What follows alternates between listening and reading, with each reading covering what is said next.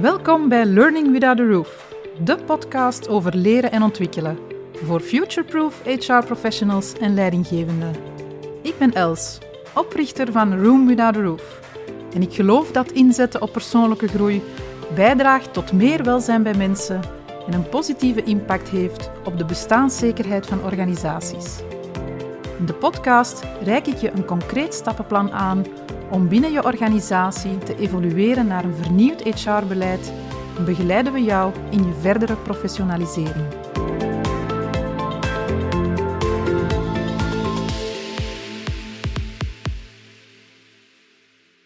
Hallo, fijn dat je luistert. Onze overheid verplicht bijna alle organisaties om een opleidingsplan op te maken. En de deadline in 2023 hiervoor is 31 maart. Maar wat is nu het doel van zo'n plan? En welke meerwaarde kan dat hebben voor jouw organisatie? Want los van die verplichting wil je als HR-professional of leidinggevende allicht de ontwikkeling van jezelf, je teamleden, je team of je organisatie toch wat beter kunnen opvolgen of eventueel kunnen bijsturen. Mogelijk heb je al een plan, maar weet je niet of het wel degelijk een strategische meerwaarde heeft voor jouw organisatie je hebt misschien een plan, maar slaag je er niet in om het al succesvol uit te rollen. Maar evengoed heb je nog geen plan en organiseer je wel opleidingen of leermomenten, maar mis je een beetje rode draad in het geheel. Vandaag heb ik mijn collega Corinne Thijs uitgenodigd, een van onze senior L&D-experten binnen Room Without a Roof. En uh, nog meer dan anders is zij de laatste maanden ondergedompeld in het verhaal van uh, de arbeidsdeal en dan vooral het stukje rond de opleidingsplannen. Welkom, Corinne. Dag Els. Fijn dat je er bent. Corinne, je hebt heel wat ervaring in het brede L&D-domein. De laatste jaren ben je vanuit verschillende rollen, ook managementrollen, betrokken bij het opleiden van mensen. Ja. Zowel intern in organisaties als vanuit vormingscentra heb je uh, rollen opgenomen. En vandaag neem je vanuit jouw brede inzetbaarheid opdrachten op voor vooral de opleidingscoach. Onze L&D-experten uh, binnen Room Without a Roof. Ja. Um, en wat ik zo fantastisch vind aan jou, dat is dat jij er altijd heel goed in slaagt om de link te leggen tussen waar uh, de noden van de arbeidsmarkt liggen en hoe je daar de koppeling kan mee leggen met leren en ontwikkelen. Hoe leren en ontwikkelen een antwoord kan bieden op al die uitdagingen. Je hebt ook heel veel ervaring of, of een breed netwerk binnen de sectoren. Je hebt daar mhm. ook heel veel contacten. Uh, en dat maakt dat je daar ja, heel veel zaken uh, mee oppikt en, en dus echt mee kan gaan nadenken ja, op niveau van arbeidsmarkt. Van oké, hoe gaan we hier nu vanuit L&D uh, mee aan de slag? Het thema van vandaag is opleidingsplannen. Jou uh, wel gekend. Absoluut. Uh, we hebben dit al wat doorgesproken. Hè, en ik ben zelf ook nauw betrokken bij het verhaal rond de opleidingsplannen. Hè. Jij vooral als, als onze expert hè, in het geven van workshops en begeleidingen daar rond. hoe maak je nu een goed plan? Um, en als ik terugdenk aan de gesprekken, hè, dan hebben we het heel vaak gehad over een bepaalde geest. Dus daar ga ik wel straks wat vragen over stellen iets over vergiftigde geschenken misschien. En misschien ook iets over uh, warm water uitvinden. Allee, bon. Ik ben heel benieuwd waar het gesprek ons vandaag gaat brengen. Maar voor we ingaan op dat stukje rond die arbeidsdeal en dat luikje rond opleidingsplannen, wil ik de allereerste vraag stellen. Die ik aan al mijn gasten stel. En die eerste vraag is, Corinne, wat is jouw meest memorabele leermoment? dat gaat het moment zijn waarop ik uh, de verklaring kreeg voor het feit dat ik nooit een handleiding lees. En altijd aan mensen rondom mij vraag, ah, laat eens zien hoe dat je dat doet.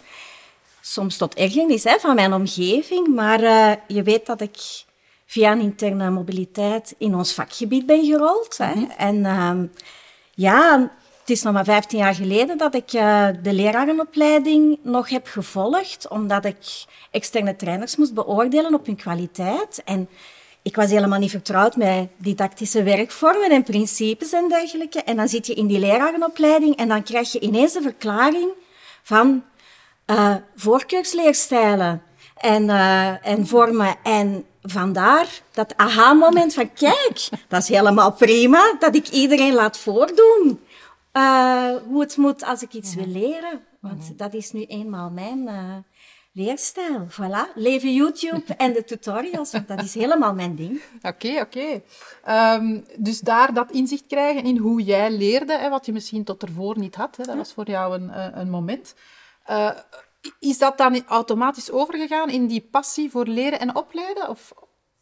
Het heeft natuurlijk daar wel mee te maken. Hè. Ik, uh, ja, je zei het al in de intro, ik heb eerder een passie voor de arbeidsmarkt. Mhm, hè? Mhm. Dus uh, ik vind het ongelooflijk boeiend wat de overheid doet, wat sectoren aan het doen zijn. Als je nu kijkt naar sectorfondsen die zich omvormen naar loopbaanfondsen, die op lange termijn denken. Um, dan, ik heb ook iets met omscholen, hè, dat weet je. Zij-instroom, werkplek leren, dat zijn allemaal dingen die, die mij bezighouden. En dan vind ik leren en ontwikkelen een hefboom uh naar de werkstelling. Uh Als je dan kijkt naar, ja, de werkstelling, dat geeft uh, mensen een toekomst. Leren is een opstap heel vaak naar betere tewerkstelling, naar betere jobs, naar fijnere taken die beter bij jou passen. En dan is dat voor mij echt de manier om mensen in hun kracht te zetten en verder te laten mhm. groeien. Okay. Um, ehm, ik hoor jou zeggen, ja, door ontwikkeling en door die opleiding kunnen we mensen naar een, een, bepaald niveau brengen of in bepaalde jobs te werk stellen. Er is nu die arbeidsdeal, de nieuwe arbeidsdeal gekomen, hè, najaar 2022, um, met dat luikje rond die opleidingsplannen. Uh, wat wordt daar eigenlijk mee bedoeld of wat is daar de idee achter?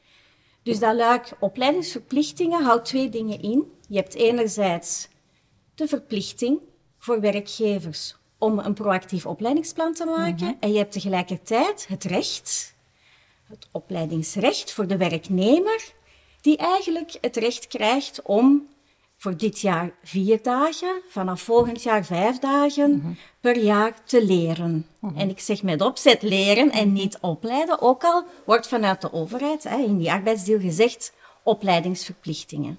Oké. Maar het gaat veel ruimer. Oké. Ja. Een verplichting is het. Waarom is het een verplichting?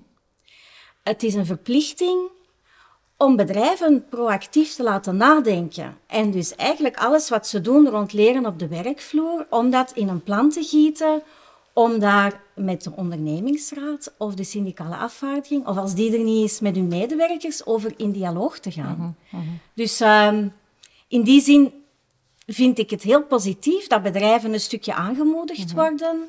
En uh, ik ga ervan uit, als je kijkt naar uh, het relanceplan na corona, hè, mhm. alle hens aan dek, mm jou ook wel bekend, we hebben het er al vaker over gehad, ja, dan gaat het over een uh, leer- en loopbaanoffensief of opleidingsoffensief, um, om ervoor te zorgen dat onze arbeidsmarkt terug krachtig wordt en dat iedereen mee betrokken wordt in die tewerkstelling, dat mensen die op dit moment behoren tot de eerder kwetsbare groepen, dat die ook mee opgepikt worden en dat die werkzaamheidsgraad mhm. verhoogt. Mhm. Dus... Uh, ja, ik, ik, denk wel, allee, je, je, kent de arbeidsmarkt vrij goed, hè, of, of je bent daar heel nauw in betrokken met heel die evoluties die die doorgaat. Maar vandaag, ja, we zitten in snel veranderende contexten. Dat upskillen, uh, reskillen van mensen, dat is gewoon een must, toch? Ja. En daar biedt dan dat verplicht luik van dat opleidingsplan dan een antwoord op. Dat is eigenlijk wat de overheid wil gaan creëren? Of hoe? Ja, um, er wordt natuurlijk vanaf nu nagedacht over leren. Hè? Mhm. En als dat dan gaat over uh, informeel leren, dan zit je daar meteen met die link ook naar upskilling en reskilling. Je mhm. gaat met mensen in dialoog, je kijkt waar ze zelf naartoe willen. Dus eigenlijk ook hun eigen betrokkenheid wordt een stukje mee aangemoedigd.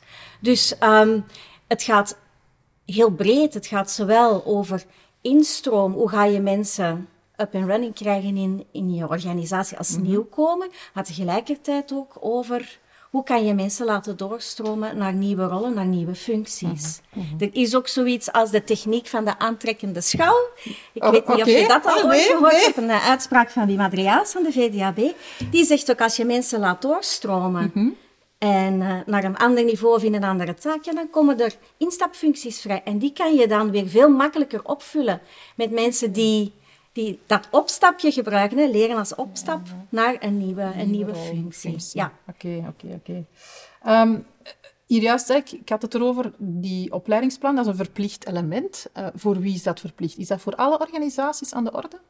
Niet voor alle organisaties, maar wel voor iedereen die onder de CAO-regelgeving valt mm -hmm. en die uh, meer dan 20 werknemers heeft. Kleinere organisaties binnen die CAO-regelgeving moeten ook iets doen, maar die regels zijn soepeler. Mm -hmm. maar dus het uh, opmaken van het opleidingsplan en het garanderen van het individuele opleidingsrecht, dat zijn dan die vier of vijf dagen.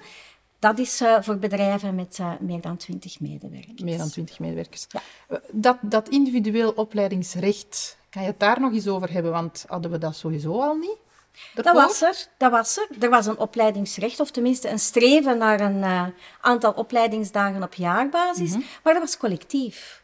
Dus je kon eigenlijk ja, aan een nieuwkomer 20 opleidingsdagen geven in zijn onboardingstraject mm -hmm. en een ancien die aangaf om niet meteen iets te willen leren, iets nieuws, mm -hmm. kon je gewoon uh, zijn job laten doen zonder die verder te laten leren en dan kreeg je een gemiddelde op organisatieniveau. Mm -hmm. Nu is het echt een recht voor elke individuele medewerker en dat vergt wel een serieuze denkoefening. Ja. Want er zijn groepen die op dit moment niet meteen iets leren omdat ze zelf aangeven dat ze daar geen behoefte aan hebben, of omdat het bedrijf die mensen ook gewoon in hun job en in hun rol hun ding laten ja, doen. Ja. ja. Uh, je zegt het is een uitdaging omdat je met bepaalde doelgroepen zit, maar ook gewoon vanuit HR, denk ik dan. He, want plots moeten we individueel gaan in kaart brengen of, of, of mee aan de slag gaan. He, op, op persoonlijk niveau, wat gaan we hiermee doen? Op vlak van opleiding, ik hoor jou ook zeggen leren. Hè, dus we mogen er breder naar kijken. Want je hebt heel wat uh, organisaties al gezien de voorbije weken. Hè. Het, is, het is sowieso al veel dat je begeleid, maar ik denk dat nu hè, met die nieuwe regelgeving voilà, hè, heel wat geweest is. Ja. Wat, wat, is zo daar de, de rode draad in reacties van uh, HR moet nu gaan dat gepersonaliseerd uh, opleidingsplan in kaart brengen? hoe, hoe reageren ze daarop? Ja, meestal begint een training zo, hè? Inderdaad, oh, nu zijn we hier voor heel die administratieve verplichting en het is ballast en weer extra workload ja. enzovoort. En dan ga je erover nadenken. En dan weet je, want daar hebben we het nog niet echt over gehad, dat die arbeidsdeel um, opleidingsverplichtingen heeft, maar eigenlijk gaat het over leerverplichting. Hè? Dus okay. uh, alle leerinitiatieven komen in aanmerking om daarin mm -hmm. op te nemen. Dus als je dan begint door te vragen en kijkt naar wat er allemaal al gebeurt op de werkvloer, of dat mensen al met een collega meelopen. Of dat er eens een lunch and learn is waar kennisdeling wordt gedaan. Of dat mensen in een jobrotatie zitten, waardoor ze nieuwe dingen leren en experimenteren met nieuwe taken. Dan komt vaak ook wel die bewustwording van, oké, wij doen al heel veel dingen op de vloer, vaak jobgerelateerd. Mm -hmm. En daarnaast, als je dan gaat kijken naar, hebben jullie een welzijnsbevraging? Of hoe kijkt de preventiedienst naar work-life balance? Zitten daar initiatieven? Als je dan begint op te lijsten wat er allemaal is, dan voel je ook wel dat veel bedrijven zich realiseren, oké, okay, die administratieve verplichting is één ding. We moeten het aantonen, mm -hmm. we moeten het nu gaan mm -hmm. oplijsten en dat gaat wel wat werk vragen. Maar dat maakt ook dat eigenlijk alle dingen die we doen, dat die zichtbaar worden, die komen aan de oppervlakte. En tegelijkertijd, ja, gaat dat onderdeel vormen van een, van een dialoog. Dus ook de, de rol van HR en L&D, die vaak minder zichtbaar is, die wordt veel duidelijker. Dus die, die nieuwe verplichting is eigenlijk ook een stukje ook weer die hefboom of die motor om zichtbaar te maken wat er gebeurt, om dat hoger op agenda te krijgen en om daar veel meer aandacht aan te besteden. Oké, okay, dus ik hoor jou zeggen, doordat daar nu die verplichting zit, wat dan misschien wel een vergiftigd administratief voilà. geschenk vandaag wordt gezien, ja. heb je wel het, het, het luik van kijk breder, want er zijn ook heel veel zaken die we doen die we misschien niet onder opleiding gaan zien, maar meer ook, ja, wij noemen dat dan het informele karakter of het informele leren, hè, dat je daar kan gaan op inzetten. En ik hoor jou ook zeggen, daardoor komt L&D ook wat meer in de picture, of die persoonlijke ontwikkeling van mensen. En, en op zich is dan het feit dat dat een verplichting is, eigenlijk vooral een meerwaarde, hè, moet je het zo gaan inzetten voor jouw organisatie. Ja, ja. ja ik, ik praat in de opleiding ook heel vaak over de employee lifecycle, mm -hmm. waarbij dat dan, ja, L&D eigenlijk een hele goede ondersteunende functie biedt in al die verschillende fases van een loopbaan. En je mag niet eng kijken en zeggen, oké, onboarding, ja, dat is het domein van L&D. Nee, in je retentiebeleid even goed. En natuurlijk nu ook die arbeidsmarkt staat in brand. Het is zo moeilijk om mensen te vinden. Als je dan echt heel veel ontwikkelkansen hebt en door het plan maak je dat concreet, ga je dat echt kunnen aantonen ook tijdens een selectiegesprek. Ja, gebruik dat. Dat is waardevol. Dus eigenlijk, je hebt inderdaad hè, die verplichting. Als je heel eng kijkt, dan, dan is het een administratief verhaal. Vooral dan om te gaan registreren en duidelijk te maken wat er allemaal is. En dan na te denken over de hiaten, want die zijn er wel. Ik uh, heb het nog niet met jou gehad over die specifieke doelgroepen, maar dus uh, in die verplichting uit de arbeidsdeal wordt ook echt heel duidelijk gevraagd om aandacht te besteden in het aanbod dat je als bedrijf hebt voor je medewerkers om de specifieke doelgroepen ook um, een goed en een relevant aanbod te bieden. En wat zijn specifieke doelgroepen? Het is een beetje sectorafhankelijk, uh, mm -hmm. maar uh, in grote lijnen komt het erop neer dat het de risicogroepen zijn. En dat zijn dan de oudere werknemers, de mensen met een arbeidshandicap en uh, mensen met een niet-EU-afkomst. Mm -hmm. Daarboven alle werknemers die werken in een knelpuntfunctie. En je moet ook aandacht besteden aan de genderdimensie, dus het verschil tussen mannen en vrouwen op de werkvloer. Okay. Is dat een absolute must om al die doelgroepen in, op te nemen in jouw plan? Hangt ook van de situatie van je bedrijf af natuurlijk. Als jij werkt met uh, heel veel verschillende culturen op de vloer, dan is dat relevant en nuttig om er aandacht aan te besteden dat die mensen goed en fijn met elkaar samenwerken en dat die hun noden kunnen kenbaar maken. Heb jij uh, heel wat oudere werknemers? Ja, binnen opleidingscoach hebben we ook trajecten rond kennisborging. Mm En ook om eens te kijken, hè, wat ga je die mensen nu aanbieden om ervoor te zorgen dat zij toch ook nog zinvol en op een goede manier in hun job en in hun rol blijven zitten de komende jaren. En tegelijkertijd ook, wat betekent dat voor het bedrijf als die weggaan? Mm kunnen die hun kennis overdragen? Kan je daar dingen rond gaan doen? Dus eigenlijk, employee lifecycle, opnieuw hè, in die eindfase van de loopbaan, daar zitten ook zeer waardevolle mogelijkheden om uh, met, met, met, leren van die doelgroep aan de slag te gaan. Ja. Maar dat moet toch ook iets zijn dat je dan vanuit je organisatie zegt, we vinden het belangrijk om daarop in te zetten? Of niet? Natuurlijk. Natuurlijk. Als je gaat kijken naar learning and development in de best mogelijke zin, dan wordt dat gedragen door de hele organisatie. Mm -hmm. In alle lagen mm -hmm. en in alle categorieën. Mm -hmm. Dus het gaat nooit lukken of succesvol zijn als je daar niet van overtuigd bent dat het bij je cultuur past, dat het bij je DNA en je visie op leren past. Um, maar dat opleidingsplan moet er nu gelegd worden. Ja, vaak, in heel veel gevallen denk ik, is dat gewoon de taak van HR. Mm -hmm. Is leren en ontwikkelen de taak van HR? nee, natuurlijk niet, hè? Nee, nee, nee. Oh, nee, als het uh, impactvol moet zijn en relevant, dan zit het overal, hè? Dat draagvlak zit ook overal, dus even goed het engagement. Mm -hmm om daar een succes van te maken, zit overal. Mm -hmm. Zeker en vast. Mm -hmm. En ook dat, als je dan in die opleiding kijkt, de mensen die daar zitten, dat is meestal HR of L&D. Mm -hmm. En als we dan gaan nadenken met z'n allen, hoe kunnen we eigenlijk iedereen in kaart brengen die met leren bezig zou kunnen zijn binnen de organisatie of die daar baat bij heeft, ja, dan kom je aan een decentraal verhaal. En dan zie je de leidinggevende een cruciale rol hebben. Dat er ook uh, interne trainers zijn die hier een grote meerwaarde kunnen hebben om effectief te luisteren naar de noden die er zijn en te detecteren wat het bedrijf echt nodig heeft. En daar input geven aan HR dan wel eventueel aan degene die administratief dat plan moet verwerken. Maar het is een verhaal van de hele organisatie. En het is fijn, hè, want dat was een beetje waar ik wou naar polsen. Hè, want als HR heb je wel de opdracht, of het ligt vaak bij jou, hè, de verantwoordelijkheid om dat plan te gaan neerleggen, of om hè, toch een, een, plan van aanpak op zijn minst daar rond op te zetten. Maar uh, die input voor dat plan, ik voel zelf, als ik kijk naar de, uh, de klanten of opdrachtgevers waar ik zelf mee aan tafel zit, of waar we zelf workshops begeleiden, dat, uh, Dat ze zeggen, ja, maar ja, waar moet ik al die input gaan halen? Want we moeten naar vier dagen per persoon gaan, we naar vijf dagen per persoon gaan zelfs. Eh, in onze context is dat niet altijd van, eh, zomaar gemakkelijk of plots te gaan doen. Uh, ja, die een input voor dat plan, moeten we het warm water gaan uitvinden nog als HR? Helemaal niet, hè? Nee. Nee, als je gaat oplijsten wat er eigenlijk al gebeurt, mhm. dan zie je dat er heel veel verschillende bronnen zijn die je kan gebruiken om die input te krijgen. Dat doen we in de training ook. Hè. Dat is een van de opdrachten die ik geef. En dan komen mensen in de sessie daarop terug met heel wat informatie. Het begint al bij het strategische verhaal en de visie op leren, die vaak indirect wel wel ergens een klein stukje is uitgeschreven. Of waar dat dan wat meer aandacht aan wordt besteed. Um, en dan ga je kijken naar die verschillende niveaus binnen de organisatie. Of dat je organisatie breed een aantal dingen gaat uitzetten die dan gelinkt zijn aan je strategie. Of mensen in een bepaalde functie.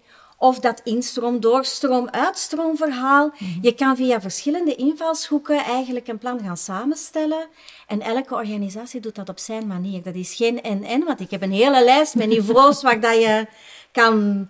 Uh, mensen gaan bevragen mhm. en je stakeholders in kaart brengen en elk bedrijf kiest, want het is organisatie-eigen. Ja, dat is een beetje typisch aan LND. Hè? Jammer genoeg is er geen één pasklaar antwoord dat voor iedereen uh, geldt. Hè?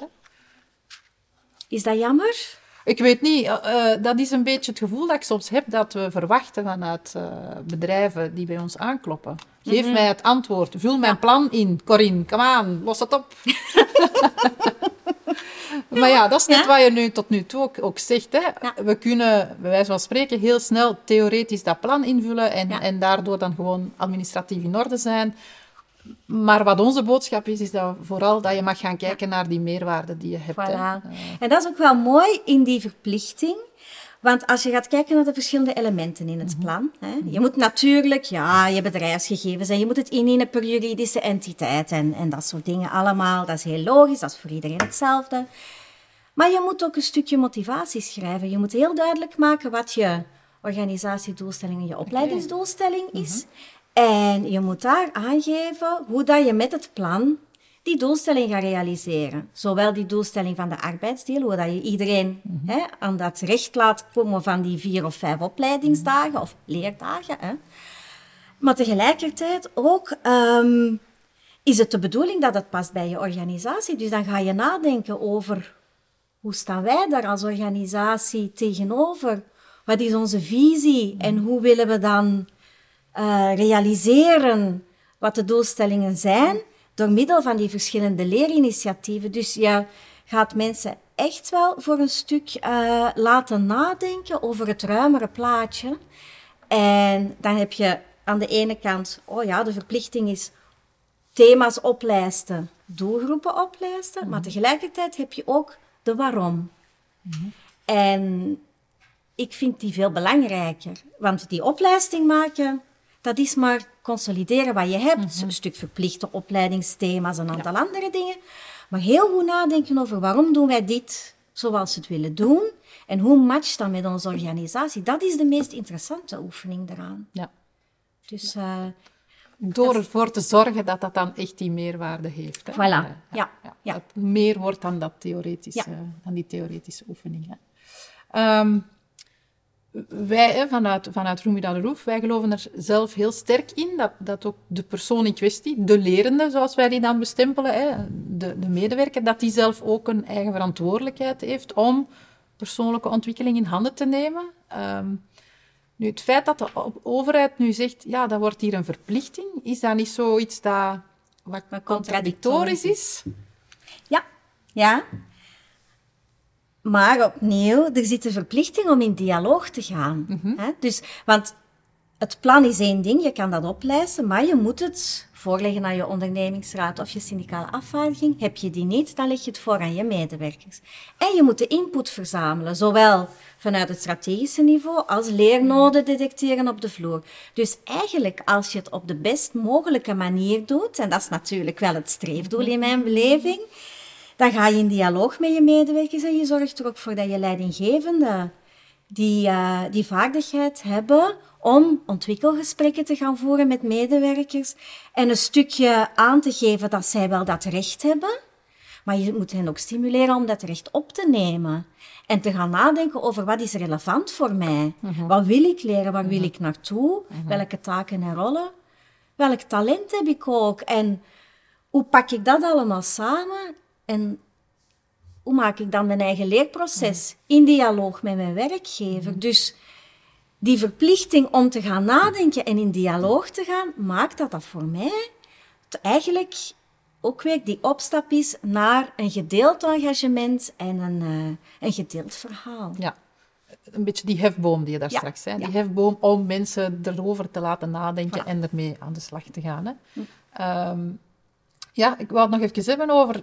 Allee, ik ken uh, de regelgeving wel wat. Hè. Ehm, als mensen nu zeggen, ja, maar dit jaar heb ik daar geen zin in, uh, kan ik dat dan naar volgend jaar doorschuiven? En hoe kijken we daarnaar als organisatie? Uh, wat zegt de, de, wet daarover?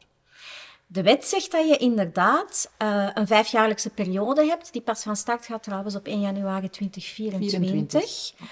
En dat je dan jaarlijks je aantal dagen gedurende vijf jaar kan opsparen. Dus je kan mhm. die overdragen. -hmm dat is voer voor discussie in alle groepen. Hè? Uh, ook omdat je dan, ja, je krijgt die cumul, die 25 dagen op het einde van de rit. Wat ga je er dan mee doen als mensen eventueel weggaan? Daar zijn ook wat regels rond. Nu, we zijn net begonnen. Mhm. Dit eerste jaar zal iedereen vooral die denkoefening moeten doen van dat proactieve plan. En ik verwacht dat mhm. die punten en commas over die overdraagbaarheid bijvoorbeeld, dat dat allemaal nog wel wat duidelijker gaat worden achteraf. Maar ik begrijp wel dat er wordt gezegd, het is een recht dat je kan opsparen. Stel dat je in een organisatie zit waar nu een enorme piekbelasting is. Mhm. En je komt er niet toe. Dan hou, dan hou je je recht. hè? Mhm, mhm. Dus dat is op zich niet verkeerd. Anderzijds is het niet de bedoeling dat je het mag opsparen en dat je degene bent die zegt, ik hoef niet, ik draag dat over vijf jaar lang en dan is de kous af en we praten er niet meer over. Hè? Dus de opdracht ligt wel bij de werkgever om juist die dingen aan te bieden die nodig en nuttig zijn. En als je het niet weet, de toekomst van heel veel organisaties en de rollen en de taken gaan heel erg veranderen. Kijk dan vooral daarnaar. Hè. Mm. Ik heb het vaak ook over die 21ste eeuwse vaardigheden. Neem je mensen mee richting de toekomst. Er gaat zoveel veranderen. Mm. Geef ze dan een aantal handvaten. Train hen in hun groeimindset om de toekomst op een stuk, om, op een goede manier dan toch uh, ja, wat voorbereid te zijn daarop en, uh, en ja, daar dan anders naar te kijken. Zijn dat dan vaktechnische skills? Nee, helemaal niet. Ik laat heel graag een filmpje zien van Harari die ook zegt, ja, het leven verandert, jobs veranderen, de arbeidsmarkt verandert.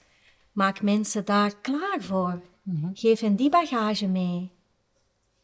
Er zijn mogelijkheden genoeg. Denk jij dat de opleidingsplan daar gaat voor zorgen dat die mindset gaat veranderen in organisaties? Als ik kijk naar de mensen die om negen uur in de training komen en om vijf uur naar huis gaan, dan is er al iets veranderd bij hun, bij hun mindset. dus laat ons hopen dat ze dat verder zetten.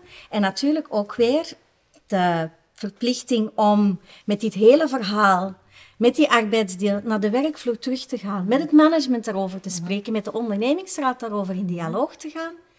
Ja, ook daar, daar komt een nieuwe dynamiek op gang.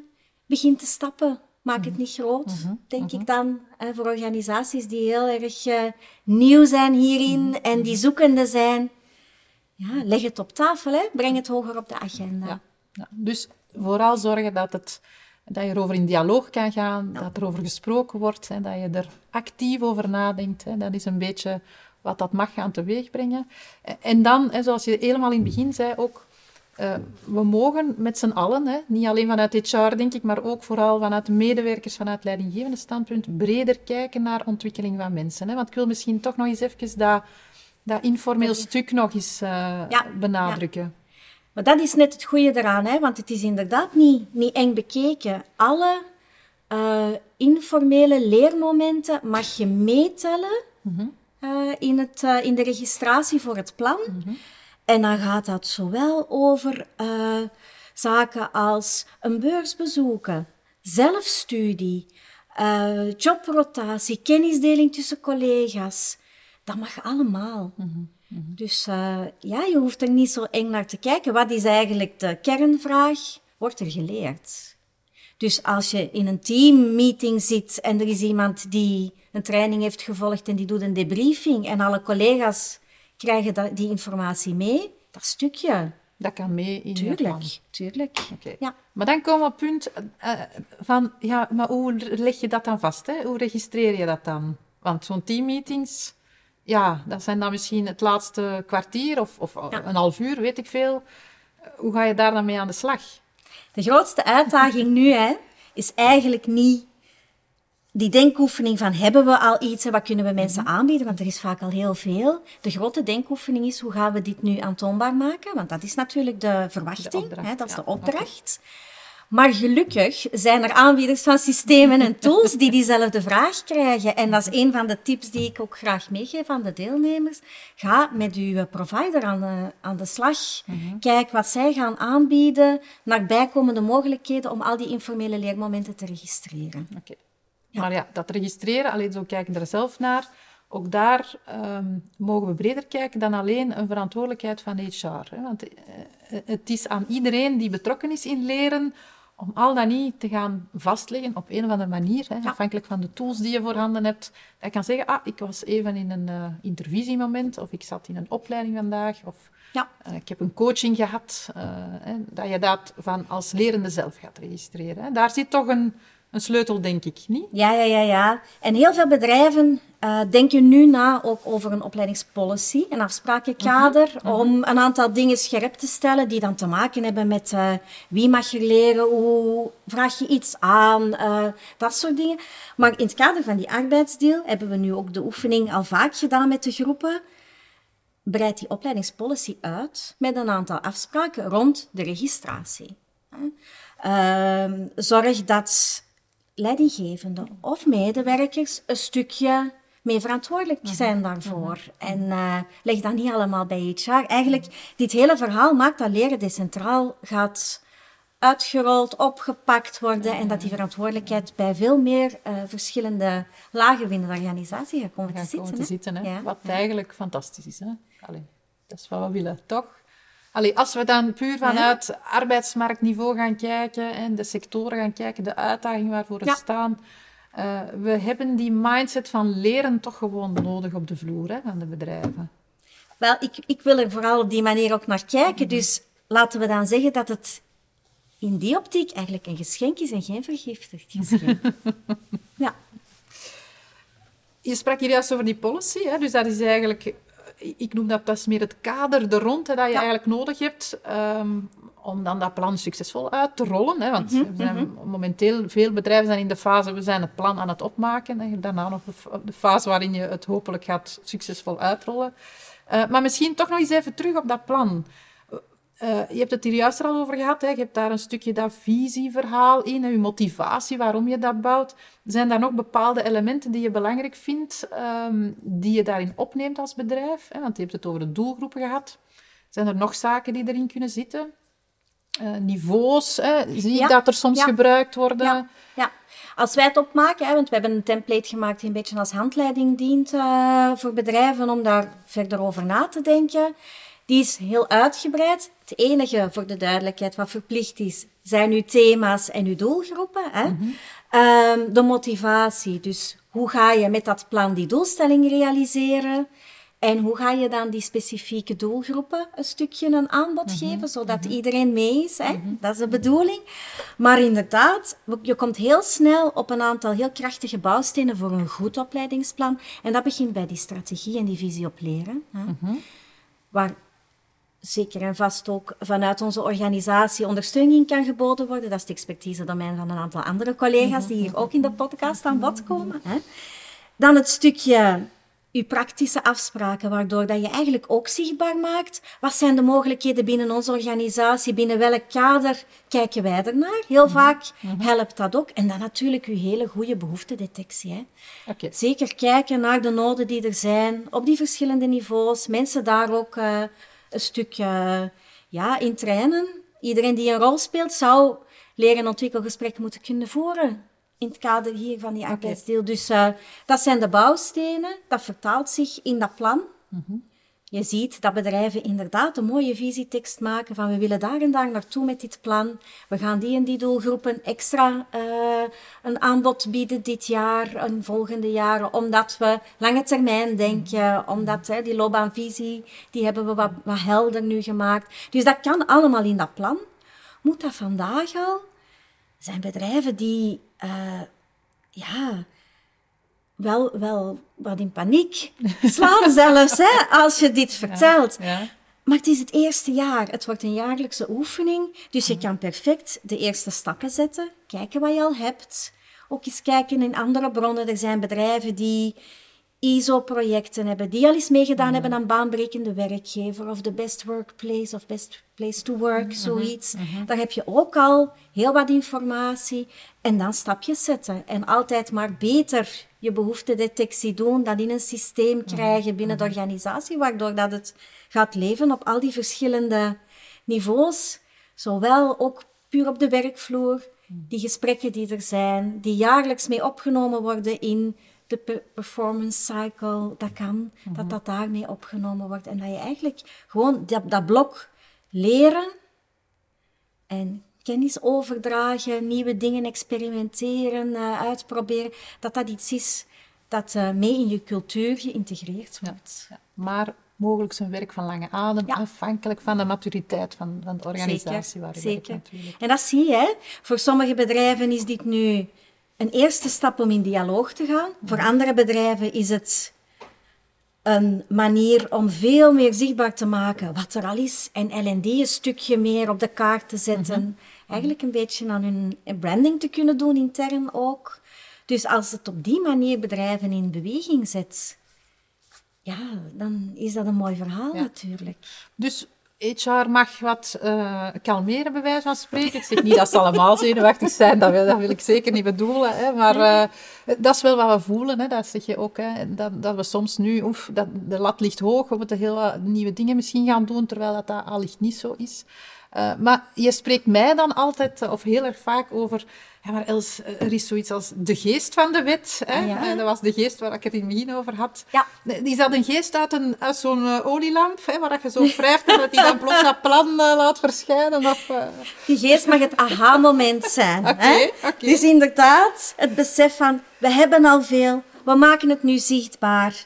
Um, de geest van de wet is de positieve insteek, is mhm. iedereen in beweging krijgen. Mhm. Dus ja, begin stappen te zetten. Hè. Mhm. Dat is eigenlijk het belangrijkste.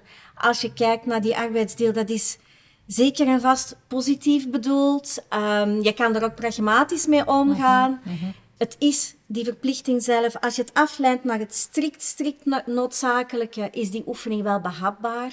Dus eigenlijk moet je er zo naar kijken. Maar er kan veel meer en het geeft kansen aan mensen. Dus dat is de geest van de wet. Fantastisch. Uh, een leuke geest. Uh, dat heb ik al wel ontdekt. Um, is er nog een tip die je graag meegeeft als het gaat over zo'n op een slimme manier een duurzaam plan maken? Wat is daar dan een ultieme tip uh, die je graag meegeeft? De ultieme tip is dat je flexibiliteit moet inbouwen in dat plan. Je zou nu het voor jezelf heel moeilijk kunnen maken, heel rigide, een opleiding maken binnen een heel strak kader, waarbij je allerlei dingen voorziet voor het komende jaar. En dan zit je daar behoorlijk aan vast. Mhm. Want dan heb je dat engagement ook genomen naar je intern sociaal overleg, naar je syndicale partners. Dus um, als je ervoor zorgt dat je in die motivatietekst, vandaar dat die zo belangrijk is, mhm. heel duidelijk maakt dat leren belangrijk is, dat die input van je medewerker dat dat eigenlijk cruciaal is en dat daar altijd ook ruimte is voor ad hoc vragen en leernoden die aan cours de route worden gedetecteerd, mhm. dan kan je eigenlijk nog alle kanten uit. Dan heb je een basis, je hebt je prioriteiten voor dit jaar bijvoorbeeld bepaald, maar je geeft tegelijkertijd nog ruimte aan ad hoc vragen. Als je kijkt naar twee jaar geleden, 2020, wat hebben wij allemaal geleerd? Stel dat er dan een organisatie zou geweest zijn met een heel rigide opleidingsplan ja, alles wat wij doen in coronatijd hebben geleerd aan nieuwe manieren van werken en tools gebruiken.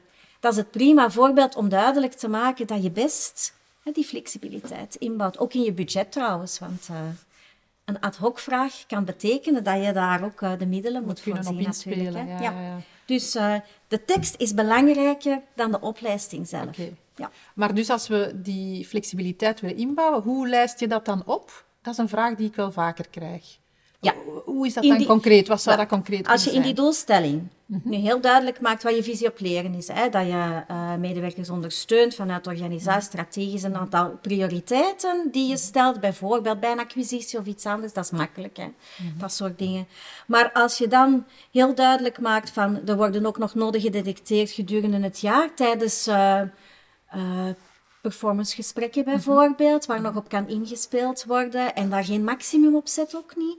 Je ziet bedrijven die het zo doen, die zeggen van we hebben een vast aanbod Arato van twee dagen bijvoorbeeld voor iedere medewerker voorzien. En die twee resterende dagen die kunnen samengesteld worden vanuit de medewerker zelf door de, de noden die gedetecteerd worden, door initiatieven die genomen worden om met collega's samen te zitten, aan kennisuitwisseling te doen. Daar zijn we flexibel in, maar we eh, voorzien wel de kans voor iedereen om gedurende vier dagen te leren. Oké, en dat kan je voldoende funderen door eigenlijk vanuit je motivatie, vanuit je visie op leren, hè, vanuit je beleid daar rond, van daar eigenlijk je aanpak te gaan, Ja. te gaan omschrijven. Oké.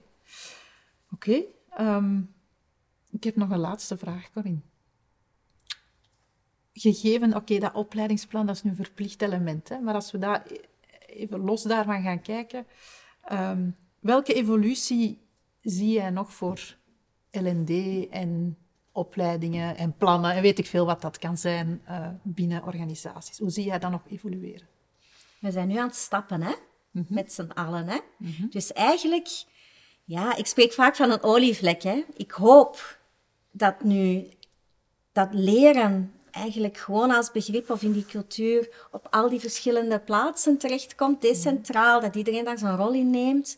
Dus dat zijn nu de eerste stappen en ik, eh, ik zie positief. Ik denk dat iedereen nu in beweging moet komen en dat die jaarlijkse oefening altijd maar beter zal gaan. En eh, ik kan dat alleen maar toejuichen eigenlijk. Ja? Oké. Dus het feit dat we nog wat meer met plannen aan de slag mogen gaan, nog wat meer daar concreet mee aan de slag gaan, dat is eigenlijk allee, de elan waar dat we Ja, je krijgt zijn. het zo wat top of mind en dat is helemaal prima. Ook die, die andere doelgroepen die nu mee betrokken worden, ja, iedereen mee, hè? Dat is het eigenlijk. Een van jouw slagzinnen, hè? ja, Iedereen mee. iedereen mee, ja, voilà. Oké, Corinne, dankjewel voor jouw bijdrage rond de opleidingsplannen. Vandaag eh, letterlijk op deze datum een urgent thema, maar hopelijk, en dat is wat wij hopen, wat je net ook zegt, hè, dat dat een thema blijft van alle dagen. Je geeft eh, opleiding, dat heb ik al een paar keer gezegd. Hè. Je geeft opleiding rond hoe maak ik nu een opleidingsplan en, en alles wat daarmee kan te maken hebben. Eh, en daar kunnen mensen uiteraard nog altijd op intekenen. Eh, dat zal ook niet veranderen en een continu verhaal blijven. Al die informatie over ehm, wat jij doet en welke ondersteuning jij en je collega's geven van de opleidingscoach, die kunnen jullie op de website van Opleidingscoach terugvinden, die ik ook zal opnemen in de show notes. Bedankt om te luisteren. Hopelijk kon dit jou inspireren. Op leren en ontwikkelen hoort geen dak te liggen. Ik hoor graag hoe jij het dak eraf haalt door op een slimme manier een duurzaam opleidingsplan op te maken. Deel jouw vragen en ervaringen via onze social media kanalen en schrijf je gerust in op onze nieuwsbrief. Tot volgende keer!